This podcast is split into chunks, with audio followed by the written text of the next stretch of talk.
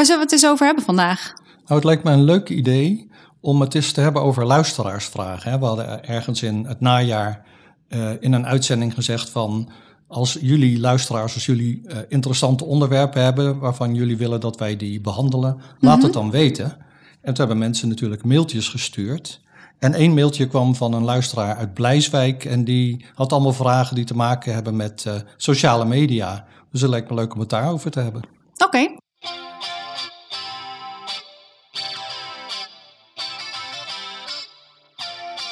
Dit is Drang naar Samenhang, een podcast over de psychologie van het begrijpen. Mijn naam is Rolf Zwaan, auteur van het boek Drang naar Samenhang.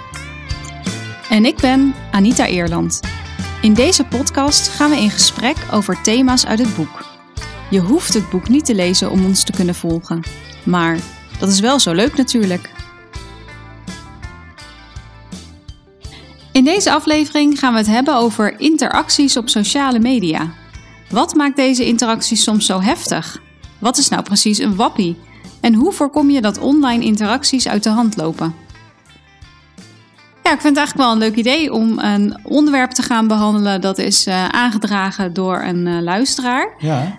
Um, en als je nu zelf zit te luisteren en denkt: hé, hey, ik heb eigenlijk ook wel een leuk idee voor een onderwerp, of ik heb ook wel uh, een vraag die behandeld zou kunnen worden in de podcast, schroom dan niet om ons dat te laten weten. je kunt ons op Twitter en op Instagram vinden als Drankkast. En je kunt natuurlijk ook nog steeds mailen naar drankkast.gmail.com. Ja, en dus voor, voor de duidelijkheid, drankkast is D-R-A-N-G-C-A-S-T.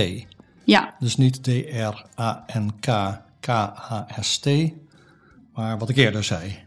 Maar goed, wat was de vraag nu precies die de luisteraar uit Blijswijk had? Um, nou ja, ik zal even het mailtje voorlezen. Het was namelijk ook niet één vraag, het hè? Het was een, een hele ja, Ja, ja. verzameling. Ja, dus hoe werkt de drang om bijvoorbeeld op Twitter steeds, misschien zelfs obsessief, berichten te willen lezen van aan de lezer tegengestelde meningen en daarop te reageren? Bijvoor- Bijvoorbeeld tussen wappies en anti-wappies en vice versa. Mhm. Omdat dit je heel onrustig houdt, eh, maakt, welke houding is dan eigenlijk het beste tegenover eh, deze neiging die je hebt? Eh, moet je andermans mening negeren? Want dat is moeilijk, want eh, soms zijn mensen verdrietig dat een vriend op een bepaalde manier denkt. Ja. En eh, vraagt de luisteraar dan, is een wappie trouwens iemand die zich beperkt tot kort door de bocht denken of zit het anders?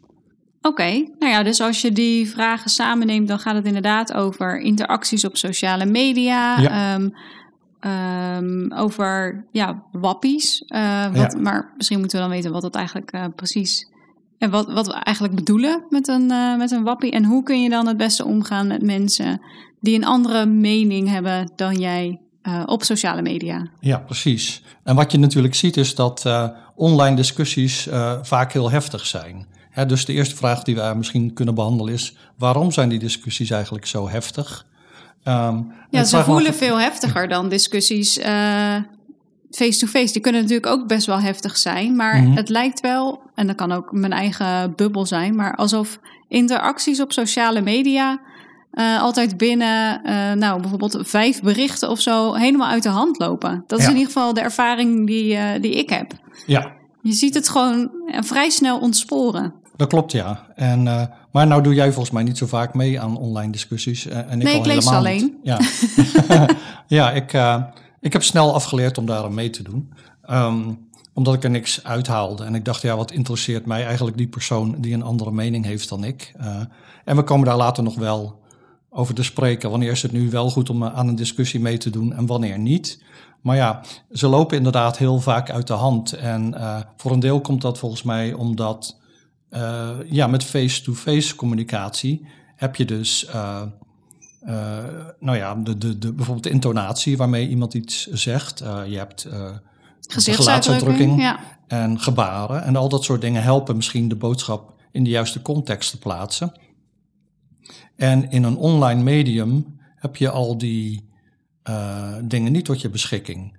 Nou waren tweets vroeger nogal korter. Je had maar 140 karakters. Dat is later naar 280 gegaan. Daar hebben we het wel eerder over gehad. Dus je hebt ook nog eigenlijk vrij weinig ruimte op Twitter althans, waar de kijker, luisteraarsvraag over ging, om, eh, om iets te zeggen en dan ook nog te zeggen van uh, denk ik of uh, hè, wat, wat in de sociolinguïstiek worden dat hedges genoemd. Hè? Dat je dus iets zegt, maar je zegt erbij denk ik of misschien of weet ik veel wat.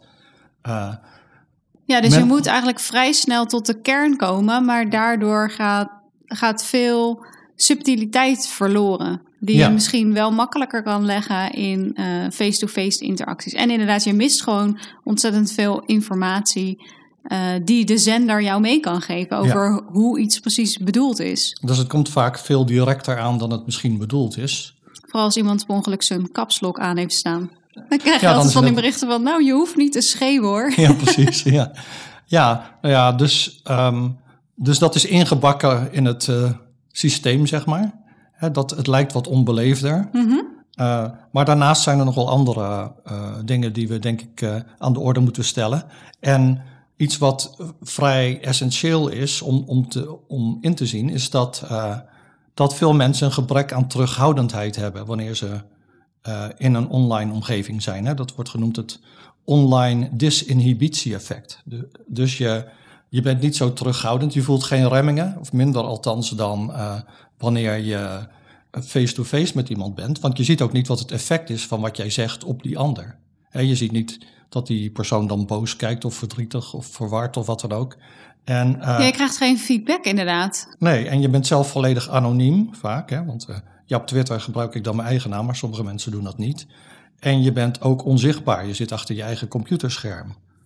En wat volgens mij ook meespeelt, is dat die communicatie vaak asynchroon is. Wat ik daarmee bedoel is, uh, als ik iets zeg, dan reageer jij daar misschien over een uur op. Mm -hmm. En op dat moment uh, heb ik misschien niet meer de emotie met, waarmee ik dat ge, bericht getypt heb. En komt jouw bericht nu hard op mij over. Terwijl jij het idee hebt van, oké, okay, dit lees ik nu. Dus dit is iets wat iemand nu net gezegd heeft. Ja. En uh, dus dat je verwijderd zit van de andere persoon in tijd en ruimte, uh, maakt het, denk ik, moeilijker om ja, op de juiste manier op elkaar te reageren. Ja, ik vind vooral ook dat gebrek aan, aan, aan feedback ja. um, wel interessant. Want normaal gesproken, als je iets zegt en het komt niet helemaal lekker aan bij de, bij de ander, dan ja. zie je dat wel. Of dat merk je wel in, uh, um, nou, face-to-face -face interacties. Ja. En dan kun je je boodschap een beetje bijsturen. En dan kun je iets verduidelijken als je denkt, oh, dit komt niet goed over, maar zo bedoelde ik het niet. Of het was, uh, ja, ik ben zelf natuurlijk een olijke snaak, dus ik maak uh, um, vaak grapjes. Uh, maar dat kan ik wel in face-to-face -face interactie doen. Maar ik heb wel geleerd dat dat niet werkt in um, online communicatie. Tenzij je overal een knipoog bij zet. Maar ja, dat wordt ook een beetje vervelend. Dan ben je zo iemand die bij alles moet zeggen dat hij een grapje maakt. Ja. Dat is natuurlijk ook niet. Uh, ja, daar moet je ook mee uitkijken. Er zijn natuurlijk best wel veel studies ook verschenen over het gebruik van uh, emoticons in uh, ja. um, online communicatie. Um, en ja, je kan daarmee toch niet helemaal vervangen wat er in face-to-face -face, interacties gebeurt. Nee. Het is wel op zich goed dat als je als iets op verschillende manieren gelezen kan worden en je bedoelt het uh, goed of uh, je maakt een grapje, dat je dat met zo'n plaatje duidelijk kan maken. Mm -hmm. Maar het werkt niet altijd en, en niet op dezelfde manier. Nee, dat klopt. En ik wil trouwens ook niet zeggen dat die online disinhibitie altijd slecht is. Hè? Er wordt onderscheid gemaakt tussen positieve en negatieve disinhibitie positief is bijvoorbeeld dat je, dat, ja, dat je meer, um, uh, jezelf meer blootgeeft en daardoor het over meer persoonlijke dingen kunt hebben met bepaalde personen. Hè. Dat wordt dan gezien als positief. En negatief is dus dat je je niet geremd voelt om uh, verbaal uit je slof te schieten. Mm. Het is eigenlijk een beetje, denk ik, uh, als in het verkeer. Als iemand in zijn auto zit, dan kan die boos toeteren en wild gebaren is die persoon, staat hij recht voor je neus, dan zal hij dat niet zo snel doen. Althans, in de pre-coronatijd was dat zo. Mensen zijn nu, hebben nu een wat korter lontje volgens mij. Ja, dat idee heb ik ook wel, maar ik weet niet of dat echt zo is. Maar dus eh, dat, dat positieve is ook wel interessant. Ik, ik dacht van, uh, waar zie je dat dan in terug? Maar bijvoorbeeld in van die uh, discussiefora of over uh, van die zelfhulpgroepen of zo. Ja. Dan ben je, uh, omdat het een online interactie is, ook vaak wel anoniem. Ja. En dan kun want ik dacht, ja, je gaat niet heel persoonlijke dingen Nee, op nee, je Twitter delen, bent. maar op, op zo'n forum kan je dat misschien dan wel doen eh, op een manier eh, die positief is voor jou.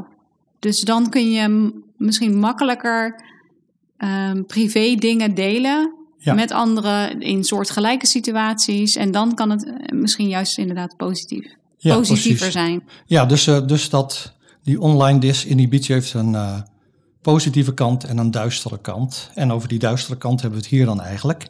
Ja, En wat je dan ook nog ziet, dat is dus naast online inhibitie een belangrijk punt, is dat mensen een bepaalde sociale identiteit ontwikkelen. Hè, je kunt, als je het hebt over bepaalde politieke onderwerpen of wat dan ook, kun je onderwer onderwerp gestuurd zijn. Ik denk dat ik dat zelf eigenlijk ben. Maar je kunt dus ook identiteit gestuurd eh, zijn.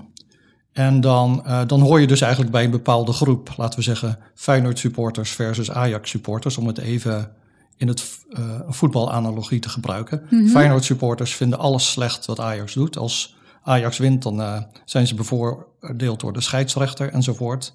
Mijn opa had het altijd over 020 en niet over Amsterdam. dat doen ze Ah. nog steeds. Ja, dat doen ze nog steeds. Ja. En, eh, maar goed, dat is dus op voetbalgebied. Maar datzelfde zie je ook op politiek gebied. En, en die sociale identiteit, ja, die heeft eh, twee voordelen. Het eerste is dat je bij een groep hoort. En daar hadden we het ook al over met die complotverhalen. Ja. En het tweede, En we zijn toch sociale dieren, dus dat is Ja. wel altijd fijn als je bij een bepaalde groep hoort. ja, want dat is fijn omdat je bij die groep hoort. Maar ook, en dat is het tweede punt, omdat je dan andere mensen kunt buitensluiten. Die horen niet bij jouw groep. De outgroup, dat is in-group, outgroup eh denken. Ja. Dus de groep waar je zelf bij hoort is de in-group. En de, de andere, de outgroup. De outgroup. En dat zie je zich ook heel sterk manifeste- ma- manifesteren in die eh, online of in de sociale media. En eh, daar wordt het eigenlijk versterkt, omdat politieke conflicten, eh, die worden geaccentueerd hè, in Facebookgroepen en zo. En extreme uitingen worden beloond. Hè. Dan is het zo van, eh, alsof je zeg maar een groepje railschoppers bent en jij gooit een steen naar de politie, dan vinden jouw vrienden dat geweldig. Hier is dat ook zo. Als jij wat extreems zegt, dan krijg je allemaal likes van jouw medestanders. Dus dan word je daarvoor beloond als het ware. En zo ontstaat er dus steeds meer polarisatie. En dat aanhangen van die identiteiten, dan zou je denken van, eh, oh dat is zeker eh, een intellectuele keuze, maar vaak is het meer gebaseerd op emotie. Dus je hebt een emotionele relaties met mensen binnen jouw groep. En die gaan eigenlijk het denken te boven. En nu heb je het idee van, ik moet voor mijn groep opkomen. Dat is mijn team. En, eh, ja, dat, dat, dat, dat zie je wel, vind ik dan. Dat, dat mensen dus het idee hebben van, eh, ik zit in mijn, in mijn groep, ik moet mijn groep eh, vertegenwoordigen. En als ik dat op een extreme manier doe, word ik daarvoor beloond. Want eh, iedereen vindt het dan geweldig wat ik zeg. Ik krijg heel veel likes. Ja, volgens mij is het dus met die likes ook zo. Ik dacht dat ik daar laatst iets over had gelezen.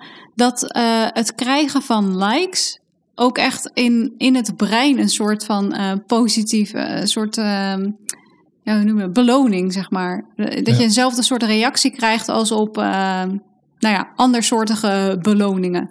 Dus, Ja. dus dat we het daarom zo fijn vinden. En het Ja. werkt ook een beetje verslavend. Ehm, dus iemand die dat dan doet, hè, die de hele tijd voor zijn team eh, opkomt. dat, ja, van dat soort mensen zeggen ze ook wel eens dat ze een online superman, superman-complex hebben. Superman. Dus eh, het is een soort ongezond verantwoordelijkheidsgevoel. Jij denkt van, eh, ja, die anderen kunnen dat niet zo goed verwoorden.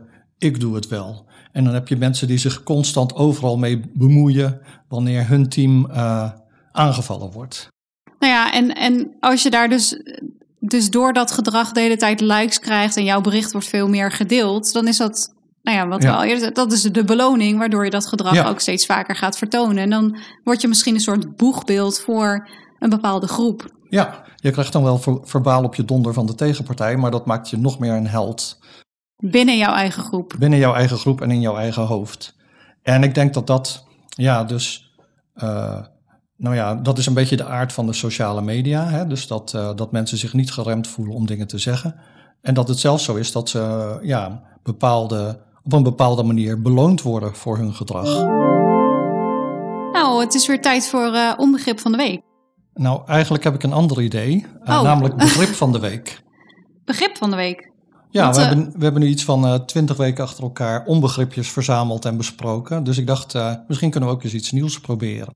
Maar wil je dan dat we gaan bespreken wat we de afgelopen week uitzonderlijk goed hebben begrepen of zo? Nee, dat lijkt me een beetje saai en een beetje opschepperig. Um, dus ik dacht meer aan begrip als een term. Dus term van de week, maar begrip van de week is leuk omdat we ook onbegrip. Ah, oké, okay. ja, ik snap hem. nou, ik heb geen begrip van de week voorbereid, dus heb jij dan iets? Nou, je hebt er eigenlijk wel voorbereid, want ik dacht we kunnen wappie doen. Want Wappie komt uit de luisteraarsvraag en wij zijn allebei natuurlijk uh, zo nee. nerdy dat we dan denken van wat betekent Wappie nu eigenlijk precies en uh, waar komt het vandaan? Dus we hadden dat alle twee onafhankelijk van elkaar opgezocht. Dus ik denk van uh, laten we als ons eerste begrip van de week Wappie nemen. Oké, okay, nou prima, doen we dat. Nou ja, een wappie is dus iemand die over bepaalde onderwerpen, laten we zeggen corona, een zeer uitgesproken mening heeft die niet op feiten of serieuze bronnen gebaseerd is, maar op verzinsels en complottheorieën. Wij zeggen natuurlijk complotverhalen ja. in deze podcast. Um, en anderen beschouwen daarom die mening van die persoon als onzin. En wappie is dan een spottende of een kleinerende term voor dat type mensen. Ja, het komt ook door de wappie. Ja, het, is, het klinkt echt ook niet echt uh, positief, nee. Nee. Um, ik had, voor, ik had uh, opgezocht waar die term nou eigenlijk precies vandaan komt. Want het is wel een beetje een raar woord, vind ja. ik. En uh, het lijkt wel uh, alsof dat woord door de corona-pandemie ineens ontstaan is of zo. Mm -hmm. en ik wilde eigenlijk weten of dat zo is. Dus ik ging opzoeken waar die term vandaan komt. en dat is eigenlijk niet duidelijk. Er zijn natuurlijk wel ideeën over. we weten bijvoorbeeld dat de term uh, al opdook in het woordenboek, woordenboek voor neologisme. Dus een woordenboek met allemaal nieuwe woorden. Ja. Uit 1999. En dat klinkt voor mij nog steeds als niet zo lang geleden, maar dat is gewoon een behoorlijke tijd. Uh, daarin werd dus het woord uh, wappie al genoemd, maar wel met een uh, iets andere betekenis dan hoe we dat woord vandaag de dag kennen. Um, een wappie was namelijk volgens die beschrijving iemand die onder invloed van drank of drugs is. Ja. Dus dan zou ja, een wappie iemand zijn, of ja, wappie kun je dan gebruiken om aan te geven dat iemand dronken is of stoned. Ja. Uh, en dat is ja, natuurlijk niet zoals wij het nu kennen. Als we het hebben over een corona-wappie, dat heeft helemaal niks met dronken zijn of stoned zijn te maken. Nee. Um, en dit, het de naam Wappie zou dan iets te maken kunnen hebben met het woord Wappa. En dat is dan een woord in het uh. Of Surinaams. Ja. Dat moest ik eerlijk gezegd ook even opzoeken. Um, ik en, denk dat Sranantongo betekent taal van Suriname. Ja, dat denk ik ook. Ja. Maar zover had ik niet doorgedacht. Nee. Ik dacht gewoon, oh, dat is een taal, maar waar komt die nou precies vandaan? Dat was, ah. dat was dus eigenlijk een mooie onbegrip van de week. Ja, ja, mooi, inderdaad. Maar dat doen we niet meer. Of in ieder geval nou, niet nou, vandaag. Nou, laten we zeggen, we hebben nu een uh, twee voor de prijs van één. We hebben een begrip en een onbegrip. Ja, oké. Okay. Um, dus dat, dat woord wappa, uh, in het Surinaams, dat is een beetje een informeel woord uh, en een plat woord ook wel voor stoned zijn. Dus oh. daar, ja, dat, als we wappie zien als iemand die dronken of uh, stoned is, dan zou dat een logische link kunnen zijn. Um, maar goed, wij gebruiken dat woord niet op die manier. En wanneer er dan een andere betekenis aan is gegeven, dat is eigenlijk niet zo duidelijk. Maar het is wel zo dat uh, rond 2005, dus dat is in ieder geval recenter, um, wappie wel al werd gebruikt door jongeren in de betekenis van gek of gestoord. En dat lijkt natuurlijk wel meer op de betekenis zoals wij dat nu, zoals wij nu wappie uh, gebruiken. Ja, dat klopt. En je ziet trouwens ook dat in dat soort discussies het woord gekkie ook al wordt gebruikt.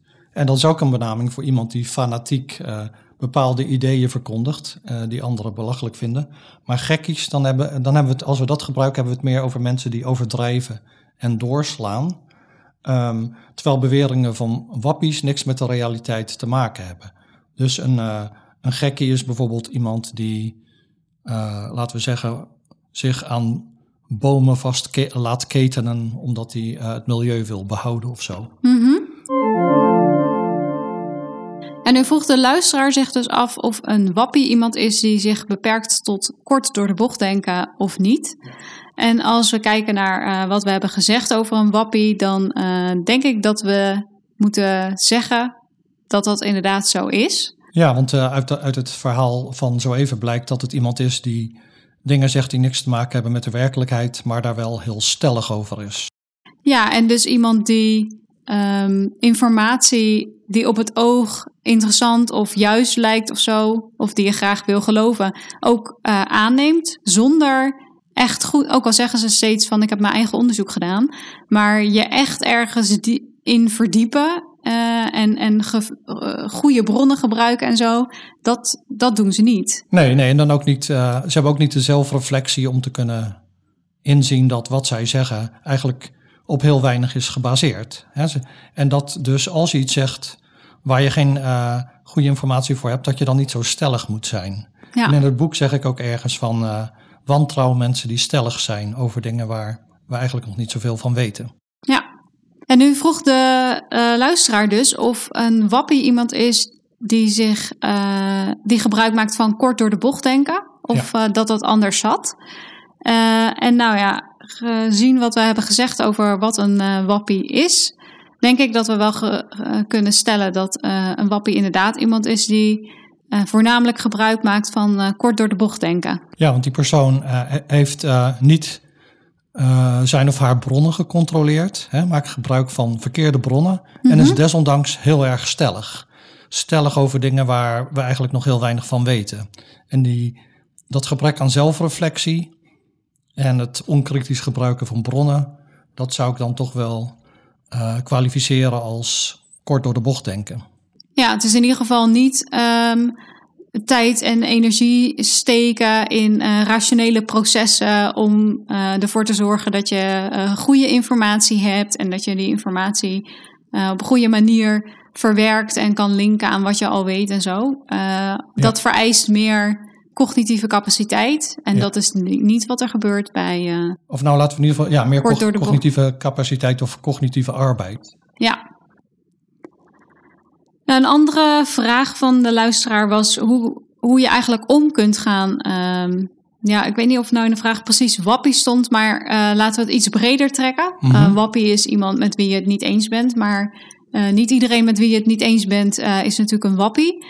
Dus als we het hebben over eh, ja, mensen met een andere mening online. Ja. Eh, we, eh, we hebben het al eerder gehad over discussies en hoe snel die ontaarden en wat de oorzaak daarvan zou kunnen zijn. Maar hoe kun je dan ehm, nou ja, op een goede manier een interactie hebben met iemand online die een andere mening erop nahoudt? Dus zonder dat die conversatie uit de hand loopt. Ja, En ehm, ja, toen ik die vraag zag, toen dacht ik als eerste dat het dan wel belangrijk is om je af te vragen hoe graag je een goede relatie wil hebben met, met die ander, met wie je eh, converseert. Omdat er ook in de vraag stond, ja, soms worden mensen heel verdrietig van als een vriend eh, een andere mening Ja. heeft, bijvoorbeeld. Het blijft belangrijk om jezelf af te vragen eh, hoeveel tijd en energie je erin wil stoppen om überhaupt een discussie aan te gaan en, en hoe belangrijk je, het voor je is om die relatie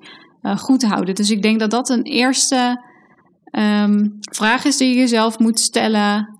ehm, ja, al- als je in zo'n discussie terechtkomt, of nog liever Ja. voordat je erin en ik, komt. ik vond zelf vaak, eh, als ik even gewoon anekdotes mag vertellen, dat, eh, dat het niet het geval is. Dus dan zit je in een discussie en denk je, kan mij het eigenlijk schelen wat deze vage figuur die ik niet goed ken, ergens van vindt. En eh, ik heb dus al vrij vroeg eigenlijk het opgegeven om me in discussies te, te begeven, omdat eh, ja, ik haalde daar niks uit. Het, eh, ik moest ook denken aan een cartoon van een aantal jaren geleden en daarin zie je een mannetje achter zijn computer of een poppetje achter zijn computer zitten, midden in de nacht. En dan vraagt het andere poppetje dat binnenkomt van, wat ben je aan het doen? En dan zegt hij van, iemand op het internet heeft een verkeerde mening of zoiets. En zo, zo, zo iemand wil je niet worden die tot diep in de nacht verbaal aan het uh, vechten is met uh, een of andere willekeurige figuur. En uh, ja, dus ik maak dan altijd gebruik van een van mijn favoriete Engelse uitdrukkingen. En dat is choose your battles wisely.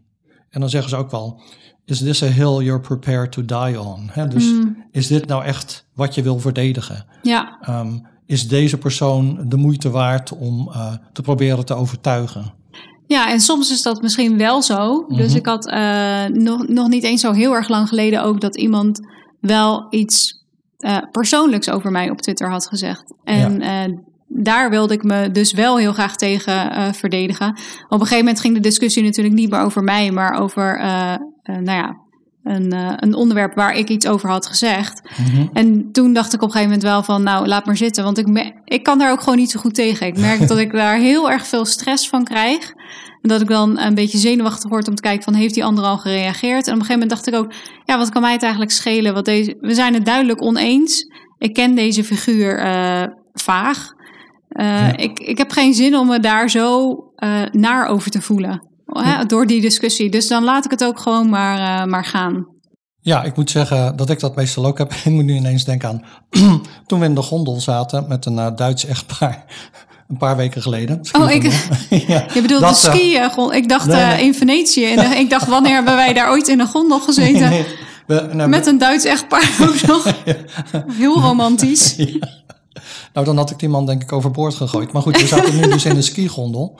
En uh, ik zei dat hij zijn masker op moest doen of zo. En toen kregen we een heel verhaal over Nederlanders versus Duitsers. En toen zei ik, ja, maar ik woon een groot deel van de tijd in Oostenrijk. Oh ja, toen was ik ineens niet een echte Nederlander. Want hij vond ook al dat ik niet zo hard praatte zoals alle andere Nederlanders. En een echte Nederlander had nooit was, had dit nooit tegen hem gezegd wat ik tegen hem zei. Nou ja, zo'n hele discussie. Juist wel, denk ik. En maar online was ik daar al lang mee gestopt natuurlijk. Maar nu dacht ik, ja, ik zit in de lift met die persoon en ik uh, Het is nog wel een stukje naar boven. tot we boven zijn. Ja. Maar normaal is het denk ik veel beter om dat niet te doen. En uh, tenzij dus die persoon heel belangrijk voor je is. En uh, nou ja, als je naar de literatuur kijkt, zijn er wel bepaalde dingen waar je dan op kunt letten. Of bepaalde stappen die je kunt zetten om te zorgen dat het niet helemaal uit de hand loopt. ja, als je dus bereid bent om inderdaad wel in discussie ja. te treden, dan ja. is het belangrijk om uh, ervoor te zorgen dat het niet uit de hand loopt. En dan kun je inderdaad uh, nou ja, op verschillende dingen letten. Ja, uh, of verschillende dingen in de gaten houden. Een daarvan is dan common ground. Dus daar ga je naar op zoek. Dus dat je gemeenschappelijke dingen hebt waar je het wel allebei over eens bent. En uh, dus dat probeer je dan eerst te vinden. Waar zijn we het wel allebei over eens? Uh, nou ja, dat het niet meteen zo'n tegenstelling wordt. Als dan de een zegt, nou ja, ik geloof dat de aarde plat is, dan kom je niet zo heel veel verder, denk ik. Maar uh, nou ja, in veel andere gevallen is het toch wel zo dat je kunt zeggen van, oké, okay, nou ja, hier zijn we het in ieder geval allebei over eens. We willen een betere wereld, of weet ik veel wat. En dan ga je zo zo verder. Nou, dat is denk ik wel een belangrijk punt, want heel vaak de, zijn mensen het niet eens met uh, een bepaalde oplossing bijvoorbeeld, maar hebben ze wel hetzelfde doel. En als dat zo is, dan is het heel belangrijk om dat uh, in je achterhoofd te houden. En dan vervolgens ook uh, ja, om te kijken, als we hetzelfde doel hebben, maar we denken toch dat we daar allebei op een andere manier moeten komen, mm -hmm. hoe kan dat dan? Ja. en dat je daar wel echt voor open staat. Ja. Dus dat je goed, goed luistert naar wat iemand anders dan uh, zegt en probeert te begrijpen wat iemand anders beweegt. Ja, en, en daarvoor moet je dan eigenlijk ook het onderscheid maken tussen de persoon en het idee. Dus wat die persoon beweegt, um, uh, dat is één ding. Maar hoe die persoon dat verwoordt of hoe die komt tot een bepaald idee, is misschien wat anders. En dat kan dan dus te maken hebben bijvoorbeeld met sociale identiteit of zo. En hoe die persoon het verwoord kan te maken hebben met de aard van de sociale media. Ja, je bedoelt of daar beperking aan zit in, ja. in hoeveel je uh, ook kwijt kan en zo. En hoe je het zegt. En uh, de ene persoon is natuurlijk uh, verbaal handiger dan de andere. En dat merk je misschien in face-to-face -face discussies, gesprekken iets minder dan in online discussies.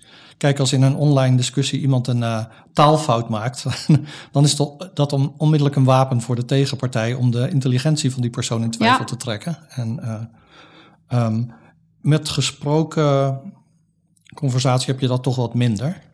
Zijn we Uh, wat denk ik. toleranter, denk ik. Ja. Maar goed, dus je, je moet een onderscheid maken dus tussen de persoon en, en het idee. Ja. En dan is de vraag dus, wat is het idee van die persoon?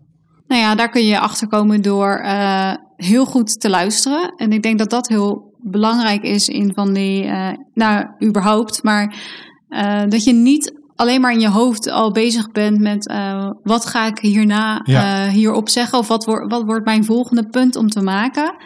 Ehm, Maar dat je echt luistert naar wat iemand anders zegt en dat probeert te begrijpen. En dat doe je natuurlijk alleen als het belangrijk voor jou is. Ja. Dan wil je misschien ook wel je best doen om eh, iemand anders te begrijpen. En als je iemand anders gewoon echt niet begrijpt, dan is het denk ik ook goed om dat te benoemen. Ja, En dat je gewoon zegt van nou, ik. Of niet alleen dat je het niet begrijpt, maar ook dat je moeite hebt om, om dat te begrijpen. En ik denk dat dat altijd ehm, ja, goed is om te doen.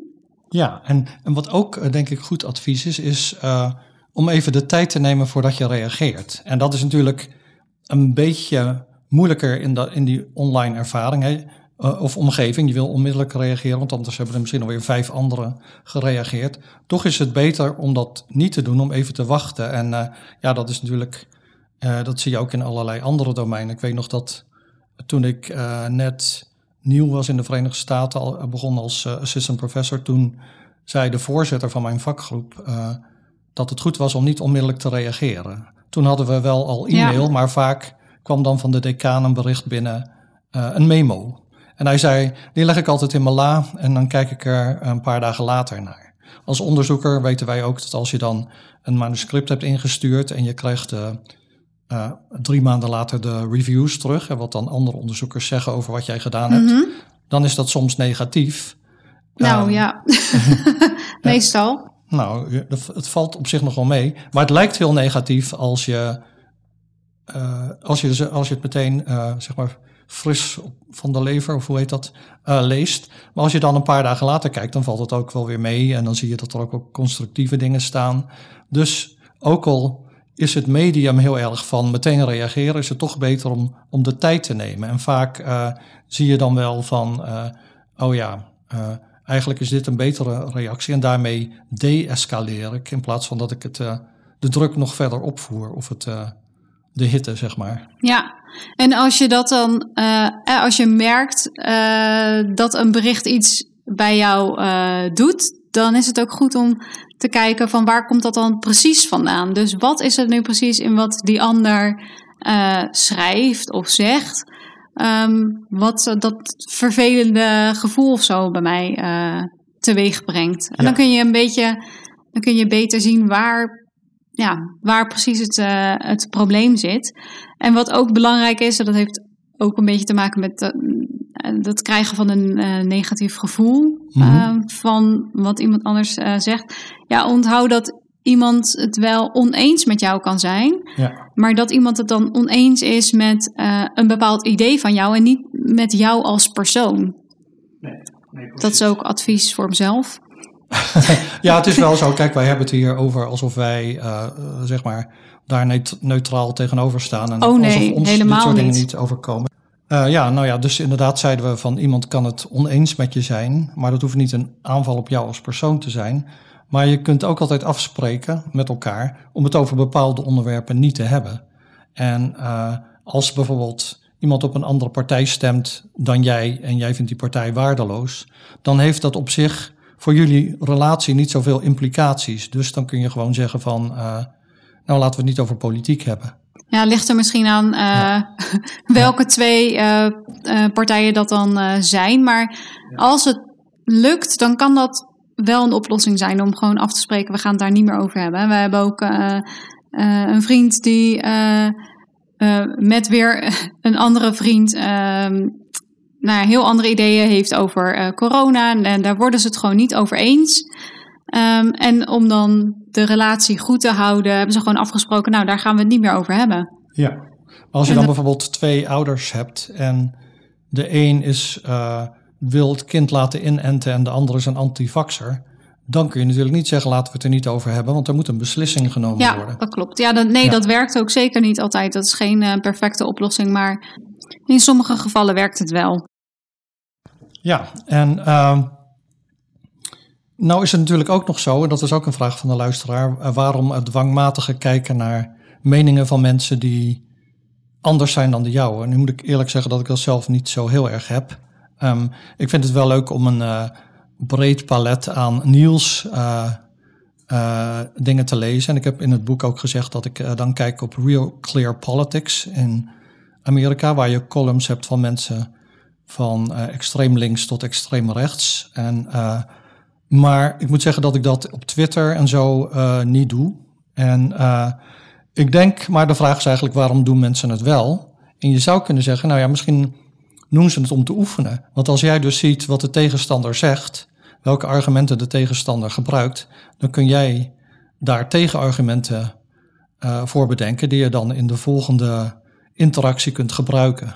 Dus je bent jezelf als het ware aan het trainen. Ja, en uh, het hoeft niet eens zo te zijn dat je dan zelf kan bedenken wat je zelf gaat zeggen in een toekomstige interactie. Maar je kan natuurlijk gewoon zien wat andere mensen dan doen. Mm -hmm. Dus dat je uh, wel berichten opzoekt van, van tegenstanders. Om dan vervolgens te kijken hoe andere mensen daarop reageren. En dan kun je dat soort reacties ook voor jezelf misschien uh, later gebruiken. En ik dacht ook zelf nog, want um, je hebt helemaal gelijk dat uh, in principe, als we denken aan de confirmation bias, waar we het eerder over hebben gehad, ja. dan zou je niet per se verwachten dat mensen uh, actief op zoek gaan naar informatie die niet overeenkomt met hun eigen mening. Nee, je zou voorspellen dat ze dat niet doen. Klopt. Maar um, ik kan me toch ook nog wel voorstellen dat je uh, dat wel doet Um, ja, misschien uit nieuwsgierigheid en uh, misschien ook wel om jezelf uh, goed voor te kunnen bereiden op uh, discussies. Maar misschien ook wel om, um, ja, om je zekerder te voelen over je eigen standpunt. Ik zal trouwens in de show notes nog een, een link zetten naar een blogpost waarin staat beschreven waarom we vaak niet in discussie gaan met mensen met een andere mening en waarom we dat wel zouden moeten doen.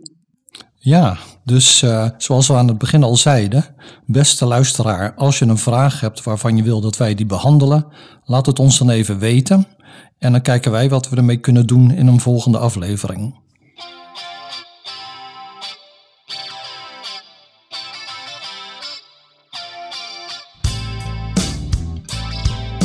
Vond je dit een leuke aflevering? Abonneer je dan. Op Twitter en Instagram zijn wij te vinden als Drangkast. Je kunt ons ook mailen via drangcast.gmail.com. Een beoordeling met 5 sterren helpt nieuwe luisteraars onze podcast te vinden. Behoefte aan meer drang naar samenhang? Ga dan naar de boekwinkel of bestel het boek online via www.boompsychologie.nl slash drang naar samenhang. De hoofdstukken die aansluiten bij deze aflevering vind je in de show notes. Tot de volgende drang. Drang naar Samenhang is een podcast van Rolf Zwaan en Anita Eerland. Montage door Rolf Zwaan. Muziek geschreven en gespeeld door Rolf Zwaan.